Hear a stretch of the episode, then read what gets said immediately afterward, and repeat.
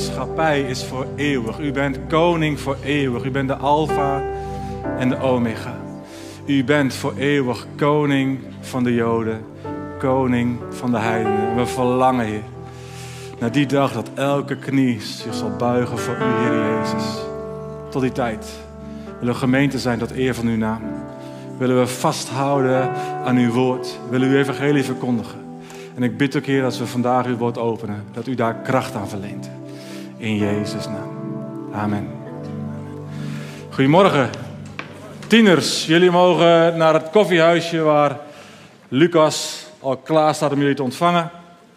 Dus stap uit de rij in plaats van stap uit de boot. En heb een goede tijd samen.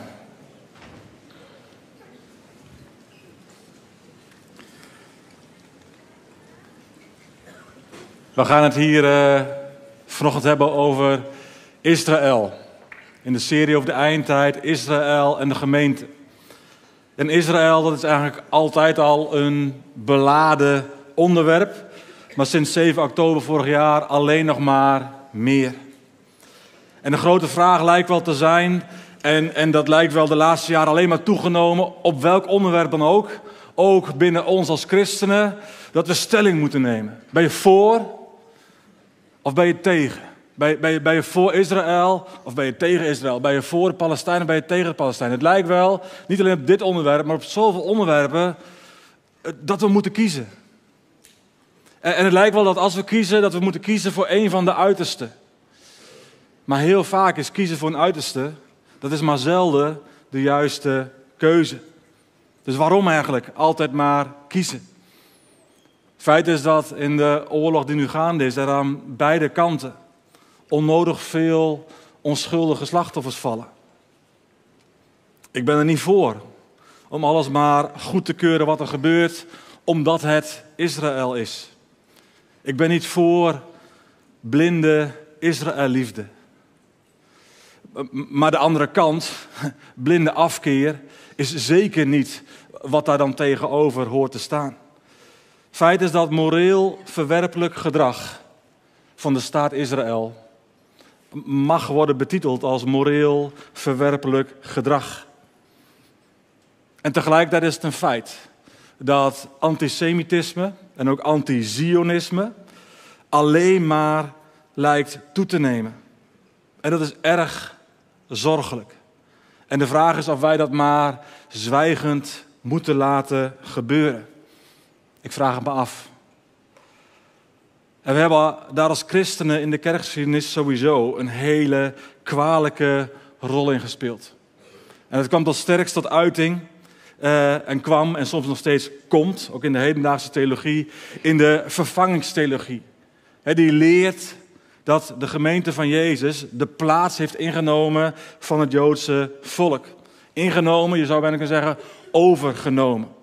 Want zij, de Joden, ja, zij hebben de Messias verworpen. Zij hebben de Messias vermoord. Kans verkeken. En in die theologie, theologie is, is de kerk nu Gods verbondsvolk in plaats van Israël. Want er is toch immers ook geen onderscheid meer tussen Jood en Griek. Dus het gaat alleen nog maar om geloof in Jezus. En de realiteit, alleen al met die kwalijke theologie, is dat er onvoorstelbaar veel bloed kleeft aan de handen van het christendom. Ten opzichte van het Joodse volk. In sommige fases van de geschiedenis was voor de Joden de keuze of je wordt gedoopt tot de naam van Jezus, of je wordt gedood. Andere opties waren niet. Je laat je dopen of je gaat eraan. Dat is wat wij als christenen, het Joodse volk, onder andere hebben aangedaan. En dat is gruwelijk. Maar er is één grote maar. Die zien we door de Bijbel heen, die zien we door de geschiedenis heen. Israël, het volk en het land hebben nooit afgedaan voor God. En wat zijn daarin dan de Bijbelse gegevens? Allereerst zien we al vanaf vrij in het begin van de Bijbel Deuteronomium: Israël is en Israël blijft Gods oogappel. Deuteronomium 32 en Zacharia 2. Misschien wil je meeschrijven, notities maken. Er komen gewoon heel veel Bijbelteksten voorbij, want wil je recht doen, aan dit onderwerp, dan moet je wel graven. Dan moet je wel kijken, wat zegt de Bijbel op allerlei plekken? Waar komen lijnen bij elkaar? Dus er komen veel Bijbelteksten voorbij. Goed om ze te noteren. Kun je daar thuis ook nog een keer rustig nalezen. En zelf ook op studeren. Israël is en blijft Gods oogappel. En, en God heeft meerdere verbonden gesloten met het volk Israël. Er is dus ook geen rare veronderstelling dat als Israël, het Joodse volk, Gods oogappel is, dat het de machten van de duisternis er veel om te doen is om dat stuk te maken. Om dat pijn te doen. En ik denk dat we ook niet met menselijke ogen alleen maar moeten kijken naar de situatie in het Midden-Oosten door de eeuwen heen. We hebben ook met geestelijke ogen te kijken. Dat er ook machten van de duisternis op uit zijn geweest, keer op keer. Om stuk te maken. Dat wat God zo lief heeft. Maar God heeft verbonden gesloten. En de verbonden die God sluit, en dat is een belangrijk aspect, die zijn eenzijdig. God heeft het altijd over mijn verbond dat ik sluit met jullie. Hij heeft het nooit over ons verbond dat we samen sluiten. Dus als mensen en als volk, wij kunnen een verbond met God niet verbreken. Alleen God kan eventueel een verbond verbreken. Wij kunnen wel ontrouw zijn aan een verbond met God. Net zo goed als het Joodse volk vaak genoeg ontrouw is geweest aan hun verbond met God. Maar God niet. En dat is een hele belangrijke. God, en dat geloof ik vanuit de grond van mijn hart, is trouw aan zijn belofte. Hij is een betrouwbaar God. Wie, wie gelooft dat? Dat God trouw is. Dat hij trouw is aan zijn belofte. Yes. Maar, want, want als hij niet trouw zou zijn, ook aan de belofte die hij zelf heeft gedaan aan Israël. Ja, hoeveel waarde kunnen we dan hechten aan al die andere beloften ook in zijn woord? Die ook gaan persoonlijk over jou en over mij. Als God niet trouw zou zijn aan zijn belofte aan Israël, dan zou hem dat tot een leugenaar maken. Dus dat God trouw is aan zijn belofte aan Israël, is alleen daarmee al relevant voor jou en voor mijn persoonlijke geloof. Dus laten we kijken wat dan de specifieke verbondsbeloften met Israël zal inhouden. En vooral ook als het gaat om de tijd waarin wij nu leven. Dus dan beginnen we bij Jeremia 31, vers 35 tot 37. En ik noem veel Bijbelteksten, maar ik laat er nog heel veel meer liggen. En kan niet anders in de, in de preektijd die er gewoon is. Uh, je kunt hier een hele dag, je kunt hier boeken vol over schrijven. Uh, je kunt wel uh, 300 Bijbelteksten allemaal erbij pakken die allemaal een relevantie hebben. Je snapt dat ook ik daarin heb moeten kiezen. Maar we beginnen bij Jeremia 31. Daar lezen we, dit zegt de Heer, die de zon heeft gemaakt als het licht voor de dag. De maan en de sterren als de lichten voor de nacht. Die de zee opzweeft zodat de golven bruisen. Wiens naam is Heer van de hemelse machten. En pas als deze orde ophoudt te bestaan, spreekt de Heer, bestaat ook Israël niet meer. Is het niet meer voor altijd mijn volk. Dit zegt de Heer, zoals de hoogte van de hemel niet gemeten wordt, de diepte van het fundament der aarde niet gepeild, zo verwerp ik niet het nageslacht van Israël om alles wat het heeft gedaan spreekt de Heer. De schepping en de scheppingsorde, die staat vast. Ik denk niet dat iemand van jullie gisteravond heeft getwijfeld, oeh, ik hoop maar dat morgen vroeg de zon opkomt. En dat hij gewoon zijn baan maakt zoals hij dat altijd maakt. Niemand van ons twijfelt aan die vaste gegevens in onze schepping. De schepping staat vast. God houdt het heelal en, en de wetten die het heelal in stand houden, uh, die, die houdt hij in zijn hand. Die worden niet opgeheven. En net zoals deze instellingen niet veranderen in onze schepping met zon en maan en sterren, zo staat hier, zo zal ook Gods speciale relatie met Israël nooit ophouden. En of we dat nou leuk vinden of niet, dat is helemaal niet relevant. Het gaat erom, dat is een bijbels gegeven. Zolang deze schepping er is, met hoe deze schepping werkt, zolang duurt het verbond van God met Israël. Maar wat is dan de link van dit alles met, nou ja, de eindtijd? Dat ik zelf een beetje een ongelukkige term vind, want die eindtijd is het al vanaf uh, hemelvaart. Eh, vanaf dat moment wachten we op de terugkomst van Jezus. Eh, en, en heel vaak, hè, wij doen dus niet zo aan schema's, omdat schema's zijn ook maar schema's. Ja, zitten we dan nu in het laatste stukje van het eindtijd? Het laatste stukje voordat Jezus terugkomt? Ja, wie weet. Uh, ik ben er altijd terughoudend en voorzichtig in, want we kunnen dat niet weten. En toch, als je alle gegevens ook vandaag op je af laat komen, dan denk je van wow, het is wel bijzonder. Dat er juist in onze tijd zoveel lijnen bij elkaar komen. Romeinen 11, vanaf vers 25. Daar schrijft Paulus, want ik wil niet, broeders, dat u geen weet hebt van dit geheimenis. Opdat u niet wijs zou zijn in eigen oog. Dat er voor een deel verharding over Israël is gekomen. Totdat, totdat de volheid van de heidenen is binnengegaan. En zo zal heel Israël zalig worden. Zoals geschreven staat, de verlosser zal uit Sion komen en zal de goddeloosheden afwenden van Jacob. En dit is het verbond van mij met hen, wanneer ik hun zonde zal wegnemen. Ondanks het ongeloof van het grootste deel van de Joden in Jezus als de beloofde Messias, rusten er nog steeds bijzondere beloften op het volk Israël. En een ervan is de belofte dat het ongeloof niet voor altijd zal duren. Maar dat het volk uiteindelijk tot geloof zal komen in Jezus als Messias. En die volheid van Jezus die gaat komen. En dat is nadat de volheid van de heidenen is ingegaan.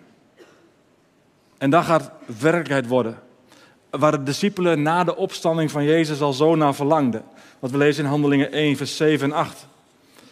Dan zeggen de leerlingen tegen Jezus, dus na zijn opstanding, vlak voor zijn hemelvaart. Ja, dat wisten ze toen nog niet dat hij weer wegging. Maar zij die daar bijeen waren, vroegen hem: Heer, gaat u dan binnen afzienbare tijd het koningschap over Israël herstellen? Gaat u het koningschap nu op zich nemen? Hij antwoordde: Het is niet aan jullie om te weten wat de Vader in zijn macht heeft vastgesteld over de tijd en het ogenblik waarop deze gebeurtenissen zullen plaatsvinden. Maar, maar wanneer de Heilige Geest over jullie komt, zullen jullie kracht ontvangen om mijn getuige te zijn in Jeruzalem, Judea en Samaria tot aan de uiteinden van de aarde. Een aantal dingen zijn hier belangrijk en fascinerend. Jezus zegt niet dat ze een gekke vraag hebben, dat ze een rare verwachting hebben. Dat ze een onterechte verwachting hebben. Nee, hij zegt hier, joh, dat, dat koningschap over Israël, ja, dat gaat gebeuren. alleen, er wordt niks gezegd over de tijd waarin deze gebeurtenissen zullen plaatsvinden. Maar het gaat gebeuren. Alleen jullie leerlingen, jullie gaan niet over de timing. Daar gaat de Vader over. En het eerstvolgende waar Jezus dan op stuit, of waar Jezus dan over begint, en dat, dat verraste me eigenlijk in de voorbereiding, omdat daar die lijnen een beetje bij elkaar lijken te komen. Het eerstvolgende waar Jezus over begint is de uitstorting van de geest.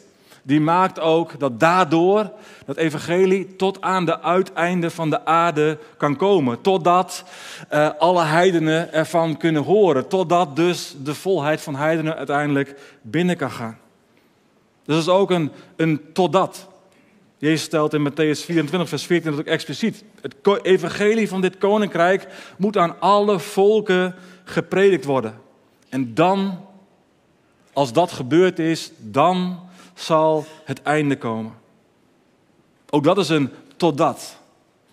En, en wij leven in een tijd waarin het grootste deel van alle volken bereikt is. Volgens mij zijn er een aantal doelen voor 2033. dat is dan 2000 jaar na uh, sterven en opstanding van Jezus, het begin van de kerk. Uh, dat ook Wycliffe, beide vertalers, maar ook andere organisaties zeggen, ja, uh, over tien jaar ongeveer, dan moet het ongeveer mogelijk zijn dat we elk volk, elke stamtaal, ik weet niet precies wat dan de differentiatie is, hebben bereikt met het evangelie. In ieder geval één evangelie. Dus we zitten in een tijd waarin daadwerkelijk bijna elke stam, volk is bereikt met het evangelie. En dus dat er daardoor ook ruimte lijkt te ontstaan voor, voor een nieuwe fase, ook voor het volk Israël. En waarin de Bijbel ja, lijkt te duiden op een bepaalde volgorde in dat herstel van Israël. Dat er eerst een natuurlijk herstel is, het land Israël, wat er nu weer is. En, en daarna een geestelijk herstel. De verschillende profeten stellen het volgende. Eerst zal God Israël terugbrengen naar het land. En, en daarna zal er geestelijk herstel zijn. Denk aan het visioen in Ezekiel 37. Het visioen van het dal van de dorre doodsbeenderen. Eerst ontstaat daar een skelet, een lichaam. En pas daarna wordt er weer de geest ingeblazen. Geestelijk herstel. Dus daar lezen we dat Ezekiel zegt in vers 7 en volgende. Toen profeteerde ik zoals mij geboden was. En er ontstond een geluid zodra ik profeteerde en zie een gedruis. De beenderen kwamen bij elkaar. Elk been bij het bijbehorende been. En ik zag en zie. Er kwamen pezen op. Er kwam vlees op. En hij trok er een huid overheen. Maar er was geen geest in hen. Wel een lichaam, geen geest. Hij zei tegen mij: Profeteer tegen de geest. Profeteer, mensenkind. Zeg tegen de geest: Zo zegt de Heere, Heere. Geest, kom uit de vier windstreken en blaas in deze gedoden, zodat ze tot leven komen. Ik profeteerde zoals hij mij geboden had. Toen kwam de geest in hen en zij kwamen tot leven. Zij gingen op hun voeten staan. Een zeer, zeer groot leger. Gaat het over Israël? Want het wordt ook heel makkelijk gekoppeld aan Pinksteren. En dus ook over ons, hè, dat de geest zal komen en, uh, en zal waaien. Maar ja, ja, dit gaat over Israël. Want, want in vers 11, het volgende vers, lezen we... Toen zei hij, mensenkind, deze beenderen die hier liggen... het beeld wat ik hier heb, deze beenderen zijn heel het huis van Israël. Dus het gaat hier allereerst om Israël. En de volgende is hier eerst natuurlijk herstel en dan geestelijk herstel. En ja, lieve broers en zussen, het is wel degelijk heel bijzonder dat er in onze tijd, sinds 1948, weer een Joodse staat Israël is. Dat was voor het laatst zo voor de Babylonische ballingschap in 586 voor Christus. Dus er is al 2500 jaar is er geen land Israël geweest onder Joods bestuur. En vanaf 1947, 48, wat is het ook alweer? Sorry. Is dat weer zover? 48 en 67. Hè? 2.500 jaar. Geen land Israël onder Joods bestuur. En in onze tijd is het er weer. Dat is en dat blijft. Ook al zijn er ook uitleggers die dat anders duiden. Die zeggen, joh, dat, dat, dat heeft niks te maken met het land. Nou, ik vind het te toevallig om niet bijzonder te zijn, dat het wel te maken zou kunnen hebben met het land. En sinds 1967 is Jeruzalem weer haar hoofdstad. Wat allemaal betwist, wat allemaal betwijfeld, dat is allemaal waar. En zonder alles maar in elkaar te willen passen, dit mag ons wel degelijk verwachtingsvol maken. En veel Bijbeluitleggers geloven ook dat, dat dit het teken is van de vijgenboom waar Jezus in Lucas 21 vanaf vers 29 over spreekt. Dan zegt Jezus tegen zijn leerlingen, en hij sprak tot hen een gelijkenis. Het ook gaat over uh, wat er later gaat komen. Kijk naar de vijgenboom en naar alle bomen. Zodra ze uitlopen en u dat ziet, weet u zelf dat de zomer al nabij is. Zo ook u. Wanneer u deze dingen zult zien geschieden, weet dan dat het koninkrijk van God nabij is. En de vijgenboom, dat is in de Bijbel veel vaker um, het beeld van Israël. Dat lezen we in Jeremia 24, eh, Hosea 9, Joel 1. Daar wordt Israël vergeleken met een vijgenboom. En wat Jezus hier volgens mij probeert te zeggen. Hey, let op. Als Israël begint te herstellen, weet dan dat de komst van het koninkrijk nabij is. Jezus, gaat u dan in deze tijd het koningschap over Israël herstellen? Het zou zomaar eens kunnen. En, en dat zeg ik terwijl ik huiverig ben om stellig te zijn, juist als het gaat om eindtijd. Oeh, maar als deze lijnen bij elkaar komen, het zou zo maar eens kunnen. Nog even terug naar Ezekiel. We hebben net hoofdstuk 37 over de dorre dal met de dorre doodsbeenderen gelezen. Maar een hoofdstuk eerder lezen we in Ezekiel 36, vers 23 en 24. Daar zegt profeteert Ezekiel namens God: Ik zal mijn grote naam heiligen, die onder de heidevolken ontheiligd is, die u in hun midden ontheiligd hebt. Dan zullen de heidevolken weten dat ik de Heere ben, spreekt de Heere Heere. Als ik u voor hun ogen geheiligd word. Als ik in u voor hun ogen geheiligd word. Eh, en dan vers 24, ik zal u uit de heidevolken halen en u uit alle landen bijeenbrengen. Dan zal ik u naar uw land brengen. En daarna volgt dan dat lichaam wat herstelt en daarna de geest die erin komt in Ezekiel 37. Maar wat eh, belangrijk is, hier staat uit alle landen. Het gaat dus niet om één land. Dit kan niet slaan op de Babylonische ballingschap. Uit alle landen zullen uiteindelijk de Joden worden teruggebracht. Natuurlijke stel. En dit is aan het gebeuren. De laatste tientallen jaren zijn er honderdduizenden Joden teruggekeerd vanuit Rusland, Oekraïne, Ethiopië eh, en allerlei andere landen. Teruggekeerd naar het land Israël. Natuurlijk herstel. Het is volgens mij aan het gebeuren. En zou dat dan een vervulling kunnen zijn van Jesaja 43, vers 5 en 6, waar wordt geprofiteerd, ik zeg tot het noorden, geef, en tot het zuiden, houd niet terug. Breng mijn zonen van verre en mijn dochters van het einde van de aarde. En Jeremia 31, vers 7. Want zie de dagen komen dat ik in het lot van mijn volk Israël en Juda een keer zal brengen, zegt de Heer. En hen terugbreng in het land dat ik aan hun vaderen gegeven heb. Is allemaal geprofiteerd dat uiteindelijk de Joden worden teruggebracht naar het land Israël. Fysiek herstel. Het Joodse volk dat vanuit het uiteinde van de aarde terugkeert naar een land wat op dit moment daadwerkelijk weer onder Joods bestuur staat. Fysiek herstel en daarna geestelijk herstel. De geest die wordt geblazen in Ezekiel 37. En ook dat kunnen wij heel makkelijk plakken op Pinksteren en ons eigen toe-eigenen. Maar die teksten gaan in eerste instantie echt alleen over Israël. Even terug naar Ezekiel 36.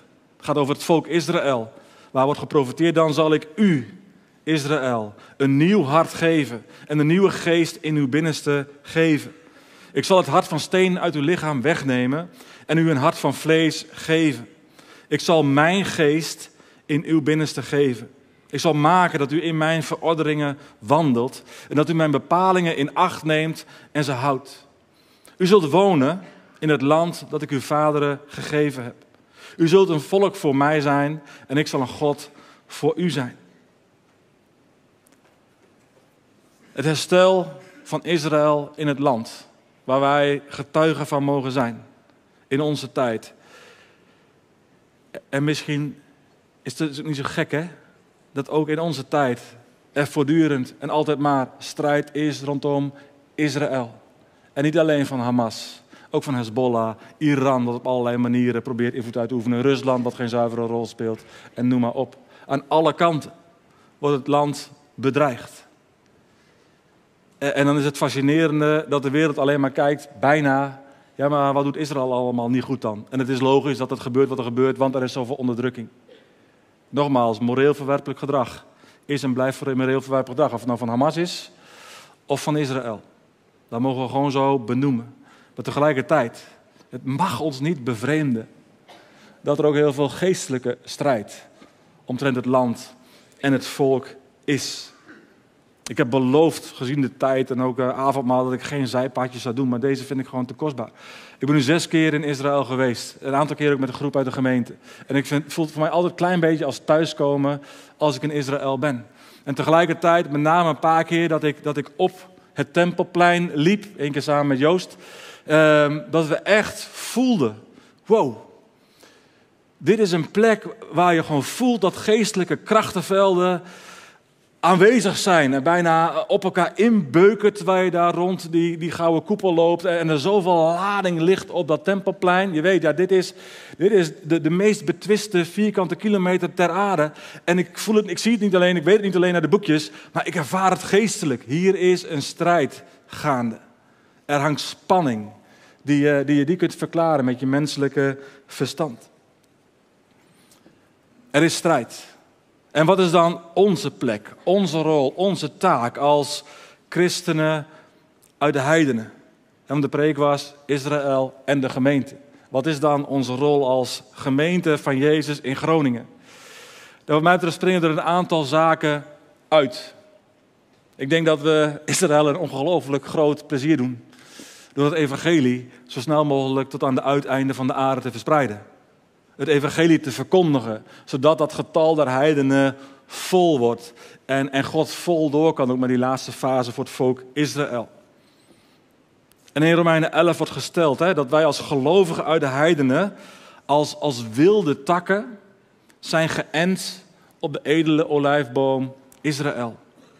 Er zijn takken weggekapt, natuurlijke takken. Een deel van het Joodse volk is weggekapt van die boom om plaats te maken voor ons. Maar daar klinkt ook een waarschuwing in dat gedeelte. En die kan ik niet onbenoemd laten. Als God de natuurlijke takken van de olijfboom niet spaart bij een gebrek aan vrucht, dan spaart hij zeker de wilde takken niet bij een gebrek aan vrucht. Geloof in Jezus is niet alleen maar vrijheid, blijheid, geliefd zijn. Ja, dat is de basis, dat is fantastisch en dat is belangrijk. Maar geloof in Jezus is ook de urgentie voelen. We mochten erbij. Het is genade dat ook wij onderdeel mogen zijn van dat heilsplan van God. En we hebben een opdracht. We hebben dat evangelie te verkondigen in woord en in daad. We hebben hier niet alleen maar stoelen te vullen op zondag. We hebben christen te zijn met alles wat in ons is, elke dag van de week. Het is een opdracht, maar er zit ook een, een waarschuwing vast. En niet dat God denkt, boh, denk erom en als het even misgaat, dan uh, zak je straffen. Nee, want zo is God niet. God is goed. Maar geeft wel verantwoordelijkheid. En hij wil ons wel afrekenen op de verantwoordelijkheid die we gewoon hebben ontvangen. Dus verspreiden jij en ik het licht van Christus. Brengen we mensen echt dichter bij het hart van de Vader. Het tweede punt is, we hebben volgens mij belangrijk te vinden wat God belangrijk vindt. En God, ik, ik kan er niet omheen, ik kan er niet ik kan er niet omheen. God vindt het volk Israël nog steeds onvoorstelbaar belangrijk. En het is genade dat wij erbij mogen. We hoeven niet weg te kijken van het onrecht dat ook Israël doet. Maar ze hebben volgens mij heel hard ons gebed en onze steun nodig. Bid voor de vrede van Jeruzalem. Dat staat er in Psalm 122. Is Israël, is Jeruzalem, is het Joodse volk überhaupt wel eens onderdeel van, van jouw gebedsleven? Heb je wel eens gebeden voor de vrede van Jeruzalem? Het is in ieder geval een hele makkelijke om toe te voegen aan je gebed, als het gemeend is. Bidden voor de vrede van Jeruzalem. En Genesis 12, die belofte de eerste belofte zou je kunnen zeggen aan Israël, aan Abraham. Gezegend zij die het nageslag van Abraham zegenen. En vervloekt zij die het nageslag van Abraham vervloeken. Het is nogal expliciet. Er is veel zegen in het zegenen van het nageslag van Abraham. Er is vloek op het vervloeken van het nageslag van Abraham. Laten we dat serieus nemen. Want het Joodse volk liefhebben en dienen en zegenen, dat is geen hobby voor de enkeling. En zo is het in heel veel christelijke gemeentes wel. Er is een Israël-werkgroep, ook wij hebben een Israël-werkgroep. En we kunnen soms bijna denken, ja, dat is mooi. Daar geven we ruimte voor, vinden we belangrijk. Maar het lijkt wel dat Israël soms een hobby is van een groepje uit de gemeente. En volgens mij is dat niet de bedoeling. Volgens mij zou het ons allemaal moeten uitmaken wat er gebeurt en wat onze eigen houding is ten opzichte van land en volk. Het is een opdracht voor de hele kerk van Jezus. En wij hebben tot nu toe hopeloos, hopeloos gefaald om dat volk tot jaloersheid te wekken. Dat was hun taak in deze wereld. Hebben ze ook niet zo goed gedaan. En daarna hebben wij ook de taak gehad om, zoals Paulus het ook zegt, om, om toch enkele tot jaloersheid te wekken. Daar zijn we zo onvoorstelbaar slecht in geweest. Ga niet vertellen tegen een Jood dat je christen bent. Dat is bijna een scheldwoord. Christenen, die zijn van de kruistochten. Die zijn van het doden van Joden, omdat ze geen christen werden. We hebben kleef bloed in onze handen en wij hebben een hele, hele, over het algemeen slechte reputatie. Het is ons niet gelukt, tot nu toe, om ze tot jaloersheid te wekken. We hebben gefaald. Om ze lief te hebben als onze oudste broer. Geen blinde liefde, maar wel oprechte liefde. En in een tijd van toenemend antisemitisme, waar er gewoon haat is tegen het Joodse volk, toenemend antizionisme, haat tegen het land Israël, ligt er een opdracht voor ons als gelovigen uit de heidenen. Want waar de wereld zich meer en meer tegen Israël keert. En goh, zou ons dat moeten verbazen als daar ook een hele geestelijke dimensie boven ligt? Nee, dat zou ons niet hoeven verbazen. Het is bizar hoeveel veiligheidsresoluties er in de Verenigde Naties worden aangenomen tegen Israël. En de dingen die niet gebeuren, de dingen die ook niet oké zijn, ten opzichte van het, het uiterste minimum wat er ligt aan, aan resoluties tegen Syrië, uh, Rusland, uh, Jemen, uh, Nigeria. Het is bizar. Het staat nergens op. En het zegt ons iets over, dit is niet een natuurlijke strijd, dit is ook een geestelijke strijd. En doen wij dan mee in bidden? Doen we dan mee in zegenen? Dus waar de wereld zich meer en meer tegen Israël keert, mogen wij steunen en mogen wij bidden. En als laatste in het bijzonder mag ons gebed en mag onze steun zich richten op de Jezus beleidende Joden. Je kunt zeggen Messias beleid, maar elke Jood is Messias beleidend. Elke elke Jood gelooft dat de Messias zal komen. Alleen de meesten geloven niet dat Jezus het is die al is gekomen en die nog terug gaat komen. Maar de Jezus beleidende Joden geloven in Jezus als de Messias. En die hebben het zwaar. Die hebben het ook zwaar te midden van het Joodse volk. Want zij, zij, zij zijn overstag gegaan voor die christenen die toch zo'n haat hadden tegen ons. Dus onze steun en ons gebed mag in het bijzonder uitgaan naar de Jezus beleidende Joden. Dus laten we zo de plek en de verantwoordelijkheid die we hebben als gelovigen uit de heidenen ook vol innemen. Uiteindelijk tot eer en tot glorie van onze God, die allereerst de God is van Israël. En waar we bij mogen en wat fantastisch is. Maar hij is en blijft. Zolang de schepping er is. Allereerst God van Israël. Dus laten we hem eren. Door hen te eren. Totdat Jezus daadwerkelijk dat koningschap in Israël in volle glorie zal doen. En daar gaat het over twee weken over. Dus dat is een mooie teaser, hè? De heerschappij van Jezus over twee weken. Wees erbij. Vet belangrijke preek. Amen.